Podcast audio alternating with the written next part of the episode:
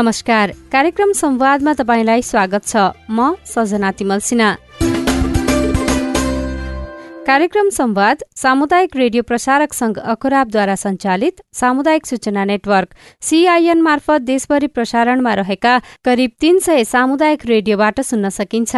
कार्यक्रम Sambad W W W dot CIN Khabar dot कममा गएर इन्टरनेट मार्फत चाहेको बेला विश्वभरि सुन्न सकिन्छ भने मोबाइल एप सीआईएन डाउनलोड गरेर पनि सुन्न सकिन्छ। यो कार्यक्रम स्वास्थ्यसँग सम्बन्धित विविध विषयमा केन्द्रित रहनेछ। आजको कार्यक्रममा हामी नेपालमा प्रत्येक दुईदेखि तीन वर्षको अन्तरालमा प्रकोपको रूपमा देखिने डेङ्गी नियन्त्रणका लागि सरकारको आगामी रणनीति र उमेर अनुसार कस्तो खानपान गर्ने लगायतका विषयमा कुराकानी गर्नेछौं। कार्यक्रमको सुरुमा लामखुट्टेको टोकाइबाट लाग्ने डेङ्गी रोग नियन्त्रण र रोकथामका लागि सरकारको आगामी रणनीतिको कुरा गरौं। सरकारले डेङ्गी रोग नियन्त्रण र रोकथामका लागि राष्ट्रिय अभियान सञ्चालन गर्ने भएको छ। गत बुधबार नेपाल सरकारका मुख्य सचिव शंकरदास बैरागी स्वास्थ्य तथा जनसंख्या मन्त्रालयका पदाधिकारी खानेपानी तथा सरसफाई मन्त्रालयका पदाधिकारी र संघीय मामिला तथा सामान्य प्रशासन मन्त्रालयका पदाधिकारी बीच भएको छलफलको क्रममा डेङ्गी रोग नियन्त्रण र रोकथामका लागि राष्ट्रिय अभियान सञ्चालन गर्ने निर्णय भयो। डेङ्गी रोग नियन्त्रण र रोकथामका लागि हाल जारी रहेको खोज र नष्ट गर अभियानलाई अबदेखि हरेक वर्ष राष्ट्रिय अभियानको रूपमा सञ्चालन गर्ने निर्णय भएको स्वास्थ्य तथा जनसङ्ख्या मन्त्रालयका प्रवक्ता डाक्टर सञ्जय ठाकुरले बताउँदै हुनुहुन्छ। ब्रिफिङ गर्ने क्रममा सबभन्दा पहिला हाम्रो सचिवज्यूले ब्रिफिङ गर्नुभयो। त्यसपछि डाटा हरू अब इपिडोलोजी तथा रोग नियन्त्रण महाशाखाका प्रमुख सुमलाल दासले डाटा र यो डेङ्गुको ट्रेन्ड नेपालमा पहिलादेखि र अहिलेको के छ अनि कसरी बढिरहेको छ यसको लाग्ने कारणदेखि लिएर अनि नियन्त्रणका उपायसम्म उहाँले ब्रिफिङ गर्नुभयो। अनि रणनीतिहरू हाम्रो के छ अहिलेको रोग नियन्त्रणको लागि र त्यसपछि मैले पनि क्लिनिकल र अरू कुराहरू डेङ्गु सम्बन्धी उहाँले अब जे जे भन्नुभयो त्यसपछि पूरक इन्फर्मेसनहरू सूचनाहरू मैले पनि उहाँहरूलाई ब्रिफिङ गर्ने मौका पाएँ र क्लिनिकल र यसको मन्त्रालयले के के क्रियाकलाप गर्दैछ र के के रणनीति लिएको छ के के डिसिजन्सहरू भयो त्यस सम्बन्धी उहाँले ब्रिफिङ माग्नुभयो। र अब के के गर्ने भनेर प्लान गर्नुभएको छ उहाँ त्यो पनि ब्रिफिङ गरियो अनि त्यसपछि डिजी साहबले पनि आफ्नो कुराहरू राख्नुभयो र हामीले मुख्य रूपमा अब दुई किसिमबाट एउटा चाहिने रोग भएका व्यक्तिहरूलाई कसरी राम्रोसँग व्यवस्थापन गर्ने र रोग हुन नदिनलाई प्रिभेन्टिभ पार्टमा कसरी हामीले एक्टिभिटीहरू लाने भन्ने दुइटामा मेन भयो र यसपालि मात्रै होइन अबदेखि स्ट्रेटेजी बनाएर नै लङ टर्म चाहिने प्लान बनाएर हरेक वर्ष यो वर्षायाममा देखिने किटजन्य रोगहरू डेङ्गु लगायत इन्सेफलाइटिसदेखि हरेक हरेक छ मुस्कुटोबाट लाग्ने रोगहरूलाई नियन्त्रण गर्नलाई हामीले थप चाहिने निर्देशन पनि प्राप्त गर्यौँ र एउटा अभियानकै रूपमा राष्ट्रिय अभियानकै रूपमा अबदेखि लामखुट्टेको त्यो खोजेर नष्ट गर भन्ने अभियान जुन छ लामखुट्टेको लार्भा फुल लार्भालाई खोजेर नष्ट गर भन्नेलाई अझै थप बलियोसँग त्यो कार्यक्रम लग्ने सो द्याट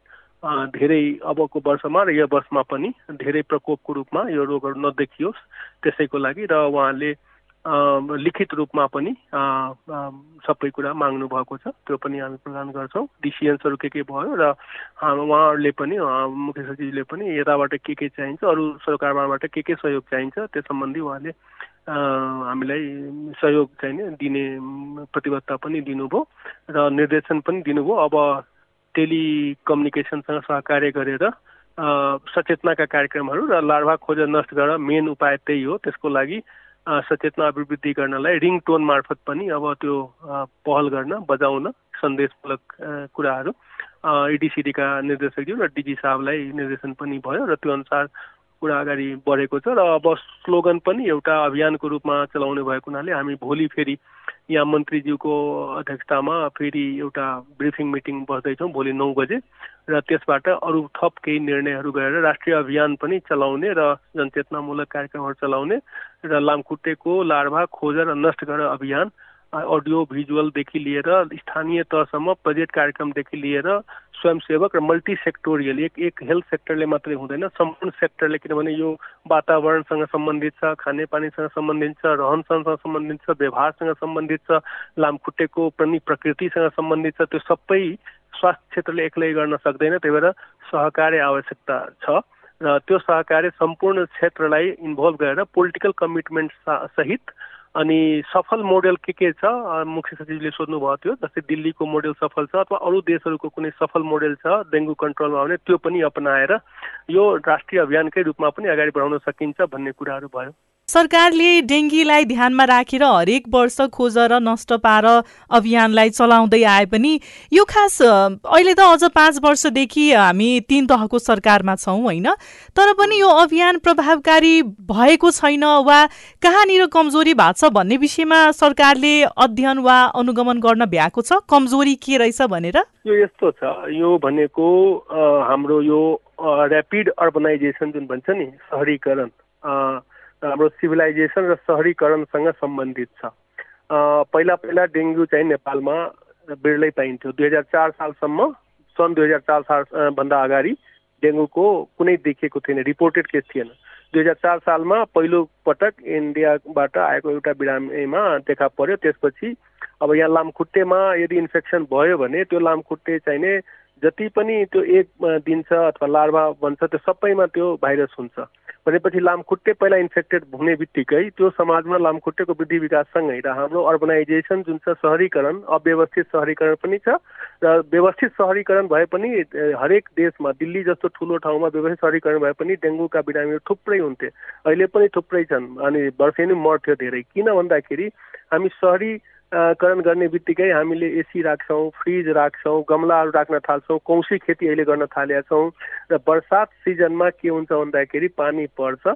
पानी परेपछि त्यसमा पानी जम्छ र सफा पानीमा यो लामखुट्टेले फुल पार्छ थोरै पनि पानी भयो खाल्टाखुल्टी भयो भने फुल पार्छ त्यसबाहेक अर्बनाइजेसनमा के हुन्छ भने घरहरू बन्छ बन्ने ठाउँमा यो त्यो भत्किन्छ भत्किएपछि त्यहाँ पनि ठाउँ ठाउँ पकेट पकेट बन्छ त्यहाँ पनि वर्षाको पानी मतलब त्यहाँ अल्झेर बस्छ। त्यो वर्षाको पानी थोरै भए पनि यो लामखुट्टेले फुल पार्छ र वृद्धि विकास गर्छ। भनेपछि यो लामखुट्टे जुन बढ्छ नि यी लामखुट्टे बढ्ने कारणहरूलाई जबसम्म हामी अन्त्य गर्न सक्दैनौँ तबसम्म यो रोगको प्रकोप रहिरहन्छ। अब यो भनेको इन्डोर लामखुट्टे हो कि यो मलेरियाको जस्तो फोहोर पानीमा बाहिर वातावरणमा झाडीमा यस्तो यस्तोमा भन्दा पनि घरभित्रैको गमलामा कौसीमा फ्रिजमा एसीमा भनौँ न यस्ता यस्ता ठाउँमा फालेको बोतलहरूमा फालेको इभेन अन्डाको बोक्राहरूमा पनि टायरमा ट्युबमा कहीँ पनि पानी जम्न गयो बाल्टीमा ट्याङ्की वाटर ट्याङ्कीमा बिर्को नलगाइकन राखेको छ भने कहीँ पनि यसले थोरै पानी पायो भने पनि त्यो फुल पार्छ। भनेपछि यसमा के छ भने सरकारले भन्दा पनि यो जन जनको कुरा छ र परिवार परिवारको कुरा छ र समुदाय समुदायको कुरा छ। हरेक घर घरभित्र गएर गमलामा भएको पानी फाल्न सरकारले मात्रै सम्भव हुँदैन। त्यही भएर दिल्ली सरकारले हेर्नुहोस् पछिल्लो समय यो डेङ्गु महामारीलाई एकदमै ठुलो पोलिटिकल अभियान चलाएर घर घर गएर हप्ता हप्तामा बर्सातको सिजनमा भोलिन्टियर पठाएर उहाँहरूलाई सचेत गराउने र आफ्नो घरभित्र दस मिनट टाइम दिनुहोस्। घरभित्र र बाहिर आफ्नो गमलाहरू कौसीहरू हेर्नुहोस् वाटर ट्याङ्क हेर्नुहोस् फ्रिज रेफ्रिजरेटर हेर्नुहोस् एसी हेर्नुहोस् र पानी कतै केही जमेको छ भने सात दिनभित्र त्यो पानी फालिदिइहाल्नुहोस् किनभने सात दिन लाग्छ त्यो फुलबाट ठुलो बन्न लामखुट्टे। त्यही भएर सात दिनभित्र यदि पानी हामीले विसर्जन गरिदियौँ भने त्यो फुल चाहिने ठुलो लामखुट्टे बन्नै पाउँदैन। त्यही भएर यसमा के छ भन्दाखेरि सरकारले आफ्नो लेभलबाट जनचेतना कार्यक्रम गर्ने सबै अभियानमा जुटाउने तर गर्ने त आखिर घर परिवारभित्र आफै हो। कि त सरकार घर घरमा गएर मिलिट्री पुलिस लगाएर अनि गमलाको पानी फाल्न त सक्दैन। त्यही भएर यो जनचेतना नै गर्ने हो। सरकारले अझै तीव्र रूपमा गर्छ तर हरेक मानिसले आफ्नो घरको कमसे कम हप्तामा दस मिनट मात्रै निगरानी निरीक्षण गरिदियो भने र त्यो पानी जुन जमेको ठाउँहरू छ त्यसलाई यदि विसर्जन गरिदियो भने यो आफै ठिक कम हुँदै जान्छ। दिल्लीमा अहिले त्यही भएको छ। केजरीवाल आउनुभयो पछिल्लो तिन चार वर्ष यता यो अभियानले यति तीव्र पार्नुभयो। कि अहिले डेङ्गु दिल्लीमा धेरै कम प्रकोप भइसकेको छ जबकि पहिलो पहिलो वर्षमा पहिला पहिला वर्षमा थुप्रै मान्छे मर्थे आक्रान्त हुन्थे। त्यही कुरा हामीले अब यो सफल मोडलको रूपमा दिल्ली मात्र होइन अरू ठाउँमा पनि डेङ्गुको जसरी सफल मोडल यही लार्भा खोजेर नष्ट गर। यो जबसम्म परिवार परिवारबाट जनताबाट आफ्नो घरबाट यो अभियानलाई राम्रोसँग सफल पारिँदैन नि तबसम्म अनि अर्बनाइजेसन यस्तै अनियन्त्रित भइराख्यो भने नि यो अलिकति गाह्रै हुन्छ सरकारी लेभलबाट र सरकारी हेल्थ सेक्टरबाट मात्रै पनि हुँदैन यो मल्टी सेक्टोरियल हुन्छ। यो वर्ष असार यता भदौ बाइस गतेसम्म देशभर तीन हजार नौ सय पचास जनामा डेङ्गी संक्रमण पुष्टि भएको छ। तीव्र गतिमा डेङ्गी संक्रमण पुष्टि हुन थालेपछि सरकारले सबैलाई सरसफाइमा ध्यान दिन र सतर्कता अपनाउन आग्रह गरेको छ। अब खानपानको कुरा गरौं। स्वस्थ रहन र वृद्धि विकासका लागि हामीले सन्तुलित खानपान गर्नुपर्ने हुन्छ। यदि सन्तुलित र स्वस्थकर खानपान गरेनौं भने हामीलाई विभिन्न रोगले मात्रै आक्रमण गर्दैन वृद्धि विकासमा पनि समस्या पुर्याउँछ। त्यसकारण शिशु जन्मेदेखि के कस्तो खानपान गराउने? हामीले आहार विशेषज्ञ विनिता पन्तलाई सोधेका छौँ। सबभन्दा पहिला सबै उमेर समूहको लागि पाँच खाद्य समूहलाई चाहिँ विशेष ध्यान दिनुपर्ने हुन्छ। पाँच खाद्य समूहमा चाहिँ अब अन्न समूह दाल गेडागुडी समूह फलफुल तरकारी समूह माछा मासु दुध समूह र चिल्लो र चिनी समूह पर्छन्। अब यी पाँच समूह खाद्य समूहलाई हामीले याद गरेर खाना बनाउँदाखेरि उमेर वाइज चाहिँ विभिन्न उमेरको लागि र हाम्रो कार्य प्रकृतिको आधारमा त्यस्तै गरी लिङ्गको आधारमा भनेको महिला र पुरुषको लागि चाहिँ फरक फरक खाना चाहिँ खानाको मात्रा चाहिँ हामी दिनुपर्ने हुन्छ। त्यसमा चाहिँ जस्तो अब मैले चाहिँ इन्फ्यान्टबाटै सुरु गरेँ। जस्तो छदेखि बाह्र अब छ महिनासम्म त आमाको दुध अब एक्सक्लुसिभ ब्रेस्ट फिडिङ भन्छ। अब त्यति बेलासम्म त दुध मात्रै खुवाउने हुन्छ। छदेखि बाह्र महिनाको बच्चालाई चाहिँ हामीले खाना खाँदाखेरि चाहिँ अब सकेसम्म पहिला चाहिँ हामी एकदमै लिक्विडबाट चाहिँ तरलबाट चाहिँ हामीले खानाको चाहिँ परिचय गराउनु पर्ने हुन्छ। त्यसमा चाहिँ हामीले अब खानाको मात्रा भन्दाखेरि पनि अब हामी क्यालोरी वाइज भन्दाखेरि क्यालोरीको मात्रा चाहिँ अस्सी calorie per KG per day भनेर भन्छ। अब अस्सी क्यालोरी चाहिँ अब कति केजीको बच्चा छ त्यो अनुसार खाना दिने। र त्यस्तै गरी प्रोटिन चाहिँ one gram per KG per day भनेर भन्ने हुन्छ। त्यस्तै गरी चिल्लोको मात्रा चाहिँ उन्नाइस ग्राम प्रतिदिन भनेको यो चाहिँ तेल अथवा घिउबाट चाहिँ समावेश गर्न सकिन्छ। अब यो खानेकुराहरूमा चाहिँ जस्तो कि खाना दिँदाखेरि विशेष गरी चाहिँ चिल्लोको चिल्लोको मात्रा त अब चिल्लोबाटै दिने भयो उन्नाइस ग्राम भनेको चार चिया चम्चा लगभग लगभग पर्छ बिस ग्राम भनेको चार चिया चम्चा पर्छ। र अन्न के अरे क्यालोरी चाहिँ अस्सी kilo calorie per KG per day भन्दाखेरि चाहिँ लगभग लगभग त्यसको चाहिँ twenty five to thirty five percent चाहिँ कार्बोहाइड्रेटबाट आउनुपर्ने हुन्छ भनेको चिनीबाट अन्नबाट ल्याउनु पर्ने हुन्छ। अब सानो बच्चाले चाहिँ धेरै मात्रामा खान सक्दैन। त्यस कारणले गर्दाखेरि उसलाई चाहिँ चिनी समूहबाट गुलियो समूहबाट पनि समावेश गर्न सकिन्छ। त्यस्तै प्रोटिनको स्रोतहरूमा भन्दाखेरि अब उसलाई दिने भनेको दुधबाट आउने खाने भयो आमाकै दुधबाट पनि आउँछ। र अर्को कुरा अब दालको रसहरू यसबाट चाहिँ प्रोटिनको प्रोटिनको मात्रा चाहिँ पुरा हुन्छ। अब यो सबै क्यालोरी प्रोटिन फ्याटको मात्रा पुग्ने गरी खाना दियो र सबै खाना खाद्य समूहबाट पुर्यायो भनेदेखि उसलाई चाहिने अरू अन्य पौष्टिक तत्त्वहरू के अरे जस्तो भिटामिनहरू र खनिज पदार्थहरू चाहिँ पुरा हुने हुन्छ।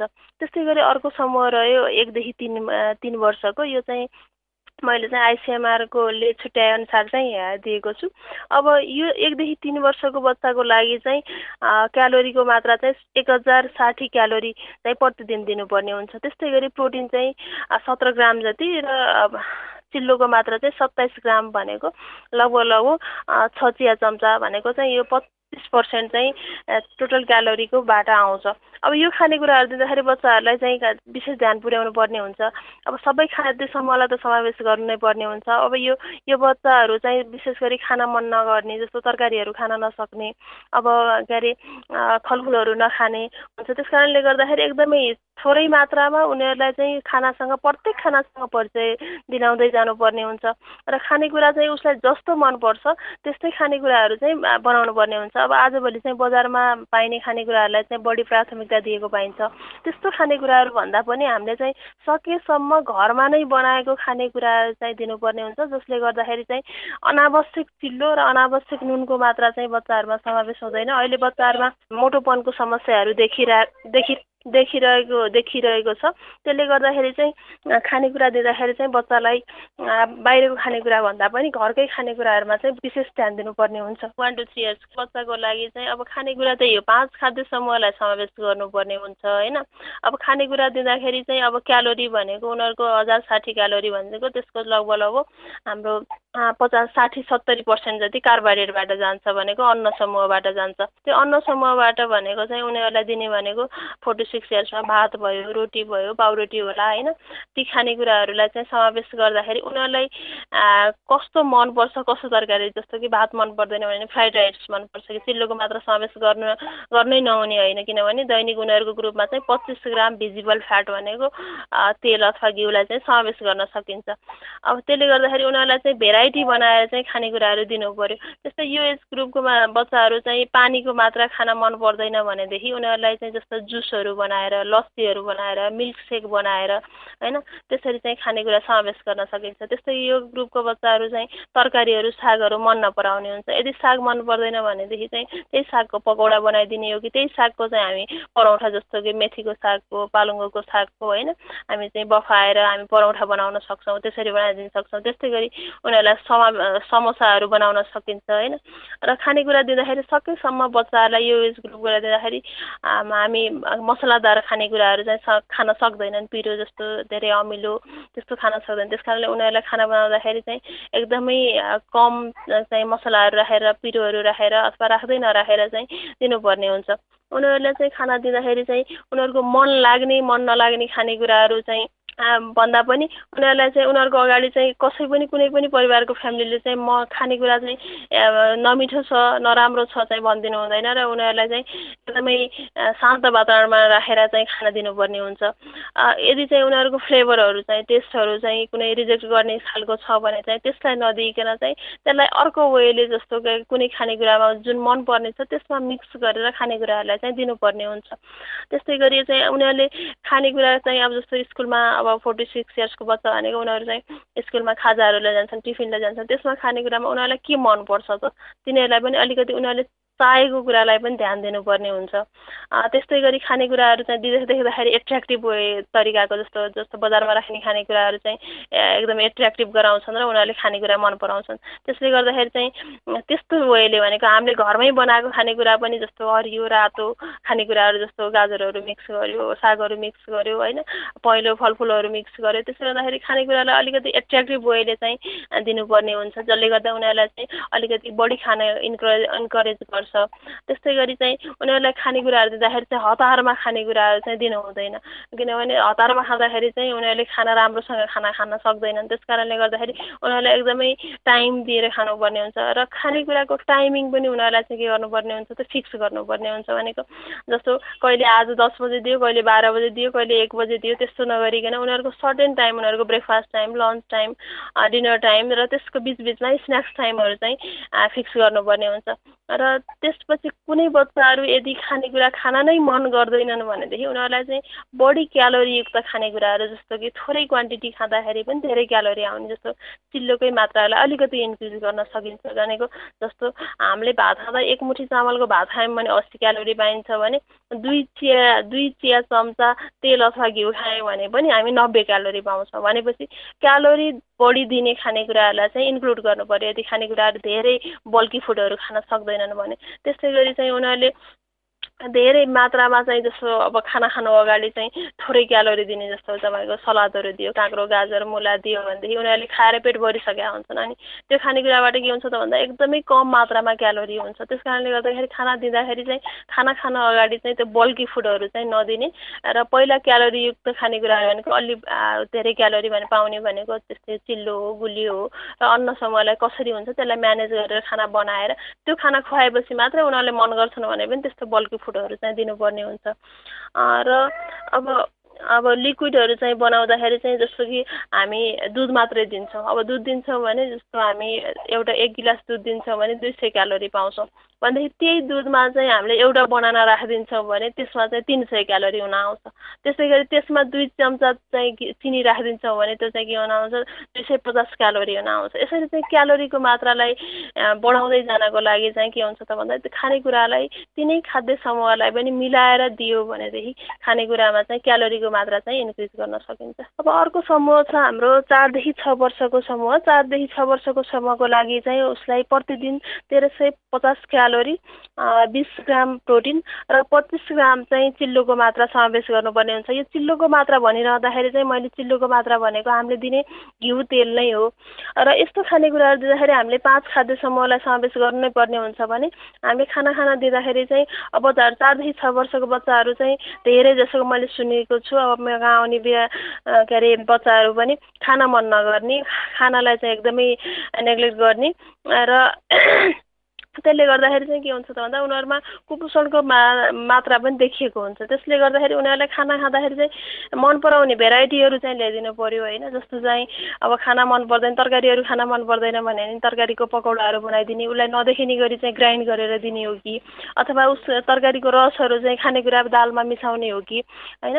विशेषले तरकारी नै मन नपराउने हुन्छ। त्यसले गर्दाखेरि चाहिँ खानेकुरा चाहिँ त्यसरी समावेश गर्नुपर्ने हुन्छ र अब पाँच खाद्य समयलाई ध्यान दिनु नै पर्ने हुन्छ। त्यस्तै गरी सात सातदेखि नौ वर्षको उमेरको समूहको लागि चाहिँ अब हामीले पाँच खाद्य समूहलाई विशेष ध्यान दिनुको साथै अब उनीहरूको लागि पनि सोह्र सय नब्बे लगभग लगभग सत्र सय क्यालोरी प्रतिदिन चाहिँ दिनुपर्ने हुन्छ।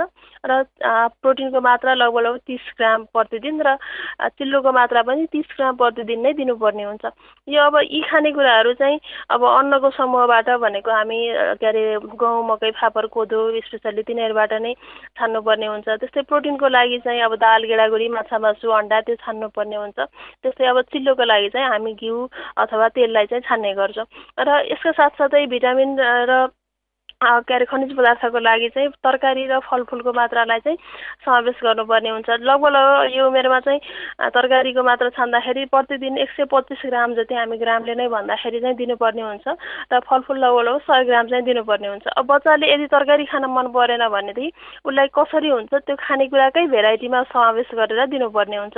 त्यस्तै अब अर्को समूह रहन्छ हामी दसदेखि सत्र वर्षको अब यसलाई विभिन्न पिरियडमा चाहिँ छुट्याएको छ जस्तो दसदेखि बाह्र बाह्रदेखि के अरे पन्ध्र वर्ष र पन्ध्र सोह्रदेखि सत्र वर्ष भनेर। अब यो उमेर छुट्याउँदाखेरि चाहिँ अब प्रत्येकलाई क्यालोरी चाहिँ फरक फरक जस्तै के अरे के अरे केटी बच्चाको लागि र केटाको लागि चाहिँ फरक भनेर चाहिँ छुट्याएको छ। हामी शर्त लिँदाखेरि लगभग लगभग के अरे केटीको लागि चाहिँ दुई दुई हजारदेखि चौबिस सय क्यालोरी र केटाको लागि बाइस सयदेखि तिन हजार क्यालोरी चाहिँ दिनुपर्ने हुन्छ।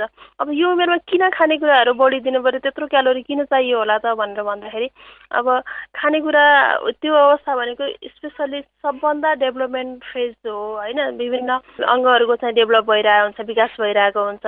र त्यो उमेरमा भनेको BMR rate basal metabolic rate भन्छ एकदमै हाई हुन्छ। त्यस कारणले गर्दा उनीहरूको लागि धेरै मात्रामा चाहिँ क्यालोरीको आवश्यकता पर्छ त्यस्तै गरी प्रोटिनदेखि सरदरमा भन्दाखेरि चालिसदेखि साठी ग्राम प्रतिदिन दिनुपर्ने हुन्छ। त्यस्तै चिल्लोको मात्रा चाहिँ पैँतिसदेखि पचास ग्राम चाहिँ दिनुपर्ने हुन्छ। अब यो दिने भनेको प्रोटिन दिने अब चिल्लोको मात्रा दिने भनेको उनीहरूको यौन अङ्गहरूको चाहिँ विकासको लागि होइन। र त्यस्तै गरी उनीहरूको चाहिँ मेटाबोलिक रेट बढी हुने हुनाले चाहिँ उनीहरूको इनर्जी चाहिँ पूर्तिको लागि पनि हो। र यसका साथसाथै अब यो उमेरको बच्चाहरूको लागि के अरे महिला के अरे केटी बच्चाको लागि मेन्सुरेसन स्टार्ट हुने हुनाले चाहिँ उनीहरूलाई आइरनको मात्रा बढी चाहिने हुन्छ। त्यस्तै गरी उनीहरू त्यो बेलामा खे खेलहरू खेल्ने बढी त्यसले गर्दाखेरि पनि आइरनको मात्रा बढी हुन्छ। त्यसको साथसाथै क्याल्सियम अन्य खनिज पदार्थ र भिटामिनको मात्रा पनि चाहिने हुन्छ। त्यसको लागि चाहिँ हामीले बच्चाहरूलाई चाहिँ प्रशस्त मात्रामा फलफुल र तरकारीहरू चाहिँ दिनुपर्ने हुन्छ। अर्को रह्यो अब हाम्रो अडल्ट भनेर भन्छ। अब अठारदेखि साठी वर्षको अब यसलाई पनि विभिन्न एज चरणमा चाहिँ छुट्याएको हुन्छ जस्तो कि अर्ली अडल्ट भन्छ मिडिल अडल्ट भन्छ र लेट अडल्ट भनेर भन्ने हुन्छ।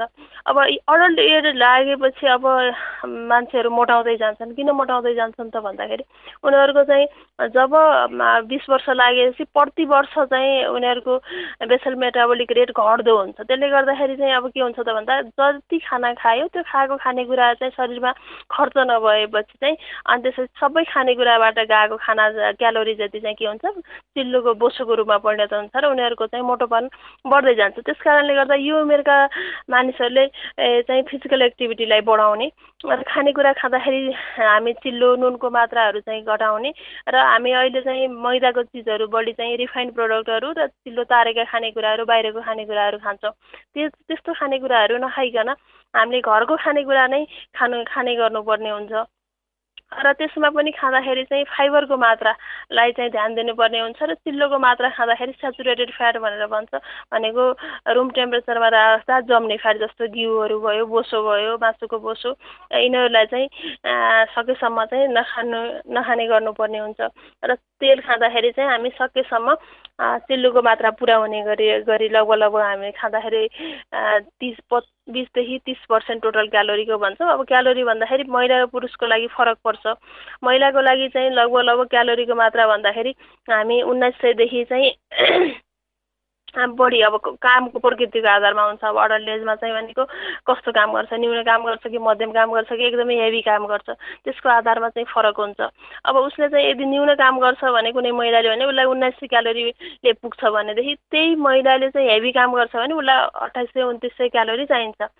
र अर्को कुरा चाहिँ चाहिँ भनेको पुरुषको लागि चाहिँ यदि न्यून काम गर्छ भने उसलाई तेइस सय क्यालोरीले पुग्छ भने एकदमै हेभी काम गर्छ भने उसलाई पैँतिस सय क्यालोरी चाहिन्छ। त्यस्तै गरी प्रोटिनको मात्रा फ्याटको मात्रा चिल्लोको मात्रा पनि त्यही अनुसार चाहिँ घटी बढी हुन्छ। अब यस्तो खानेकुराहरू खाँदा अब हामी न्यून काम हामी हामी भनेको बजारमा बस्छौँ न्यून काम गर्छौँ त्यस कारणले गर्दाखेरि हामीले चिल्लोको मात्रा खाने र गुलियोको मात्रा बढी भयो भने मोटोपन बढ्ने र अहिले नसर्ने रोगहरू चाहिँ जस्तै मधुमेह भयो उच्च रक्तचाप भयो मुटुको रोग मृगौलाको रोगले चाहिँ लाग्ने हुन्छ। त्यस कारणले गर्दाखेरि चाहिँ हामीले खाना खाँदा विशेष ध्यान पुर्याउनु पर्ने हुन्छ। त्यस्तै अब अब बुढाबुढी ओल्ड एजमा भन्दाखेरि अब बुढाबुढी अवस्थामा चाहिँ उनीहरूको लिन मसल्सहरूको मात्रा चाहिँ घट्दै जाने हुन्छ। त्यसले गर्दाखेरि अब उनीहरूलाई चाहिँ दिने भनेको चाहिँ कार्बोहाइड्रेटको मात्रा बढिदियो भनेदेखि त्यसले गर्दाखेरि झनै फ्याटको मात्रा चाहिँ बढ्छ। फ्याटको मात्रा चाहिँ बढ्दै बढ्दो हुन्छ के अरे बुढाबुढीको शरीरमा। त्यसले गर्दा फ्याटको मात्रामा कमी गरेर हामी नर्मल मान्छेले टोटल क्यालोरीको लगभग लगभग बिसदेखि तिस पर्सेन्ट चाहिँ फ्याट खान्छौँ भने बुढाबुढी अवस्थामा चाहिँ पन्ध्रदेखि बिस पर्सेन्ट चाहिँ फ्याट दिँदा पनि पुग्छ। र त्यस्तै गरी प्रोटिनको मात्रा हामी नर्मलमा अवस्थामा चाहिँ हामी दसदेखि पन्ध्र दिन्छौँ भने बुढाबुढी अवस्थामा पन्ध्रदेखि बिस पर्सेन्ट चाहिँ दिनुपर्ने हुन्छ। तर प्रोटिन दिँदाखेरि हामीले चिल्लोको मात्रालाई कम गरेर के अरे जस्तो माछा मासु दियो दुध दियो भने पनि चिल्लोको मात्रा कम भएको चाहिँ प्रोटिनहरू चाहिँ समावेश गर्नुपर्ने हुन्छ। त्यस्तै दाल गेडागुडीहरू चाहिँ समावेश गर्न सकिन्छ। त्यस्तै बुढाबुढी अवस्थामा चाहिँ डिहाइड्रेट हुने हुन्छ। त्यस कारणले गर्दा मुख मुख सुक्खा हुने हुन्छ। त्यस कारणले पानीको मात्रा चाहिँ प्रशस्त दिनुपर्ने हुन्छ। त्यस्तै बुढाबुढी अवस्थामा कन्स्टिपेसन कब्जियतको समस्या देखिने गर्छ। त्यसले गर्दाखेरि फाइबरको मात्राहरू चाहिँ बढी दिनुपर्ने हुन्छ। र अब सबै एज ग्रुपमा भन्दाखेरि खानेकुरा दिने भनेको सबभन्दा सन्तुलित खाना भनेको हामीले खाना दिँदाखेरि लगभग लगभग टोटल क्यालोरीको दसदेखि पन्ध्र पर्सेन्ट प्रोटिनबाट र के अरे बिसदेखि तिस पर्सेन्ट चिल्लोबाट र लगभग लगभग पचासदेखि साठी पर्सेन्ट चाहिँ हामी कार्बोहाइड्रेटबाट दिनुपर्छ तर कार्बोहाइड्रेटको छनौट गर्दाखेरि चाहिँ हामी कार्बोहाइड्रेटको स्रोत भनेको चाहिँ अन्न गेडा अन्न अन्नहरू जस्तो गहुँ कोदो फापर र गुलियोको समूह हो।